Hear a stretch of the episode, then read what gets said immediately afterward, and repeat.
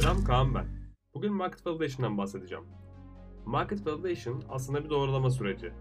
Basitçe hedef pazarınız yani kitleniz ürününüzle ilgilenip ilgilenmediğini anlıyorsunuz. Diyelim bir fikriniz var. Ürününüze yeni bir feature ekleyeceksiniz. Cumburlop hadi ekleyelim diyemiyoruz. Önce kitlemiz bunu istiyor mu istemiyor mu bunu anlamamız lazım. Bunun içinde birçok yöntem var. Ben ana birkaç tanesinden bahsedeceğim şimdi. İlk önce ana pazarı belirlememiz gerekiyor. Sonra bu pazardaki hedef kitlemizi belirleyip analiz ediyoruz.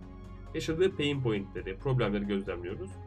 Bunun için de farklı yöntemler var. Mesela hipotezinizi doğrulamak için bayağı kullanıcılarla birebir görüşmeler gerçekleştiriyoruz. Bu kullanıcı testleri sonucunda onların ne istediğini ilk ağızlarından duymuş oluyoruz. Tabi kullanıcılar daha önce de belirttiğim gibi hedef kitlemizden olmalı. Mesela ürününüz tıraş bıçağıysa köse birinden içgörü toplamayacaksınız yani. Bazı kaynaklara göre kullanıcılardan %80 oranında kabul aldıysak doğru yoldayız, MVP'yi çıkabiliriz demek. Zaten hiçbir zaman %100 uygunluk alamayız. Bu çok ideal bir evrende teorik bir hedef olur. Neyse sonraki adımda da bu problemlere nasıl çözümler getireceğiz bunları netleştiriyoruz. Bunun için de ana ihtiyaçları belirleyip ister MVP'yi ister minimum level product'ı çıkıyoruz. Bu da daha çok şirketin vizyonuna bağlı bir süreç.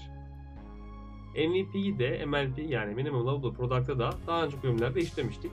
Dinlememiş olanlar da hemen şimdi birkaç bölüm geriye gidip dinleyebilir. E o zaman sonraki bölümlerde görüşürüz.